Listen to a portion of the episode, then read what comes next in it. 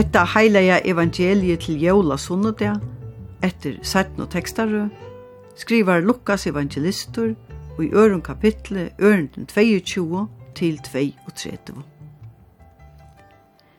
Men ta og i det dævur tarre etter Moseløvene var ute, fævru teg vi hånden nye til Jerusalem, fyrir jeg fører han fram fyrir herran. Etter tog som skriva stendur i lov herrans. Alt kaltjen, som fyrst opnar møverløyv skal kallast herran og halka. Og fyrir jeg bera fram eit offer, etter tog som sagt er i lov herrans, tver torstel duer, etla tver duo ungar. Og søy, og Jerusalem vera mevor nevnt og Simeon. Og hese mevor var rattvoisur og godrøkjen, og han vanta i trøst Israels, og heila i anten var iver honom. Og heila i anten hei gjørst han veran vi, at han skulle ikkje sudja deian fyrir han hei se hin salva i herrans. Og han kom leittur av andanon inn i helgetømen, og ta i foreldrene kom og vi badnen om Jesus fyrir a gjerra vitta som sier være til lovene, ta tåk han til i fauningen og lova i god til å seie.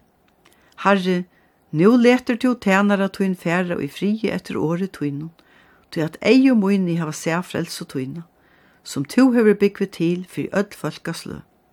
Eit ljós til a lysa fyrir hætten og månnen, og eina dord fyrir Israel folktutt. Og i morgen er jævla sunnedavur, men det er eisen nudjars aftan etla gamla arskvöld, ta i høvi eisen er a komi kyrkju a kvöldi, a takka fyrir ta farna og boja og bia etter til nudja. Tema i er badne som brøyder alt til åndsje som brøyder som negv og kolvelter all liv som luttla nøyfødda badne.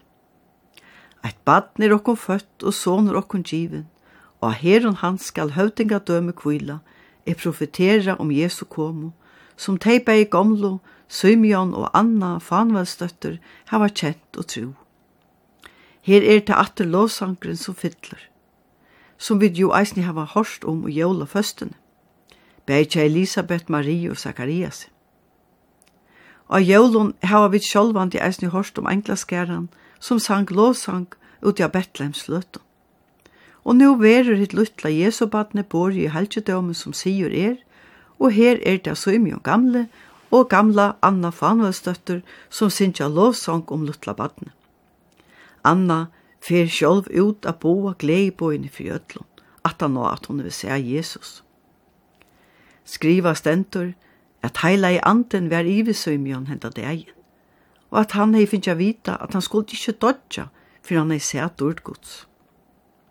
Han vir reisne fyrtra av heila i andanen i helgedømen, og ta vær så statt ikkje av tilvild at han vær her, ta Maria og Josef kom og vil utla sonen. Her er du bæg heila i anden og lyftene fra gode, og alt veri fullkjørst vi lutla badnen, som søymjon henta degen i templon, fer løyve bæg a suttja og tek i føvningin. Jo her er sånn glede og trygg.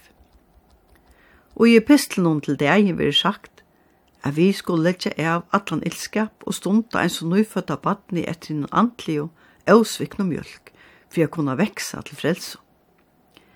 Her er jo badni og oldingen, en nøyfødde lova i Messias, saman vi rattvisa og godrakna gamla mannen, som hever tro og stunda etter at han slapp av suttja dordina. Vi færa i kvöld inn i et nytt år, Du kunde veri høskandi at tidsi opp evni om ta nutja og enn eurøynda, saman vi til gamla og kjenta, så nu brott er færi at rom. Eit komandi og anna færandi, og som er så tatt knutt høvast alt. Evne ljøs er i teksten og i morgen. Herren er ljøsmutt og frelsamun, sier Sjolmaskalt i innleiande. Eisne han hever bi Herren om å kunne bygge i hus i hansara atler det er. At ikkje seg ljøs av lusleine er jo ikkje avkjent til okkon. Til myrskur og deie hoksa vi henga saman, medan ljøs og luiv henga saman. Nå er vi til mye om vetre, og ta er ikke betur enn at hoksa om at kjøtt vil ljøs i å komme atter til okkara. Spatjómaner om Jesus vil eisne nevntir i lovsåndjen til Søymjan, som sier at ei og hansra nu hava sæ frelsen, eit ljøs til a lysa fyrir hettn og månnen og eina dyrd fyrir Israel folktutt. Ta komandi komande sæ og av vånen om nutjar og betre tøyer, her anti og sannleikje vevnande ver jo hasete, tja landi og fölkje. Gåan sunnudag og gott nutjar og Jesu navn.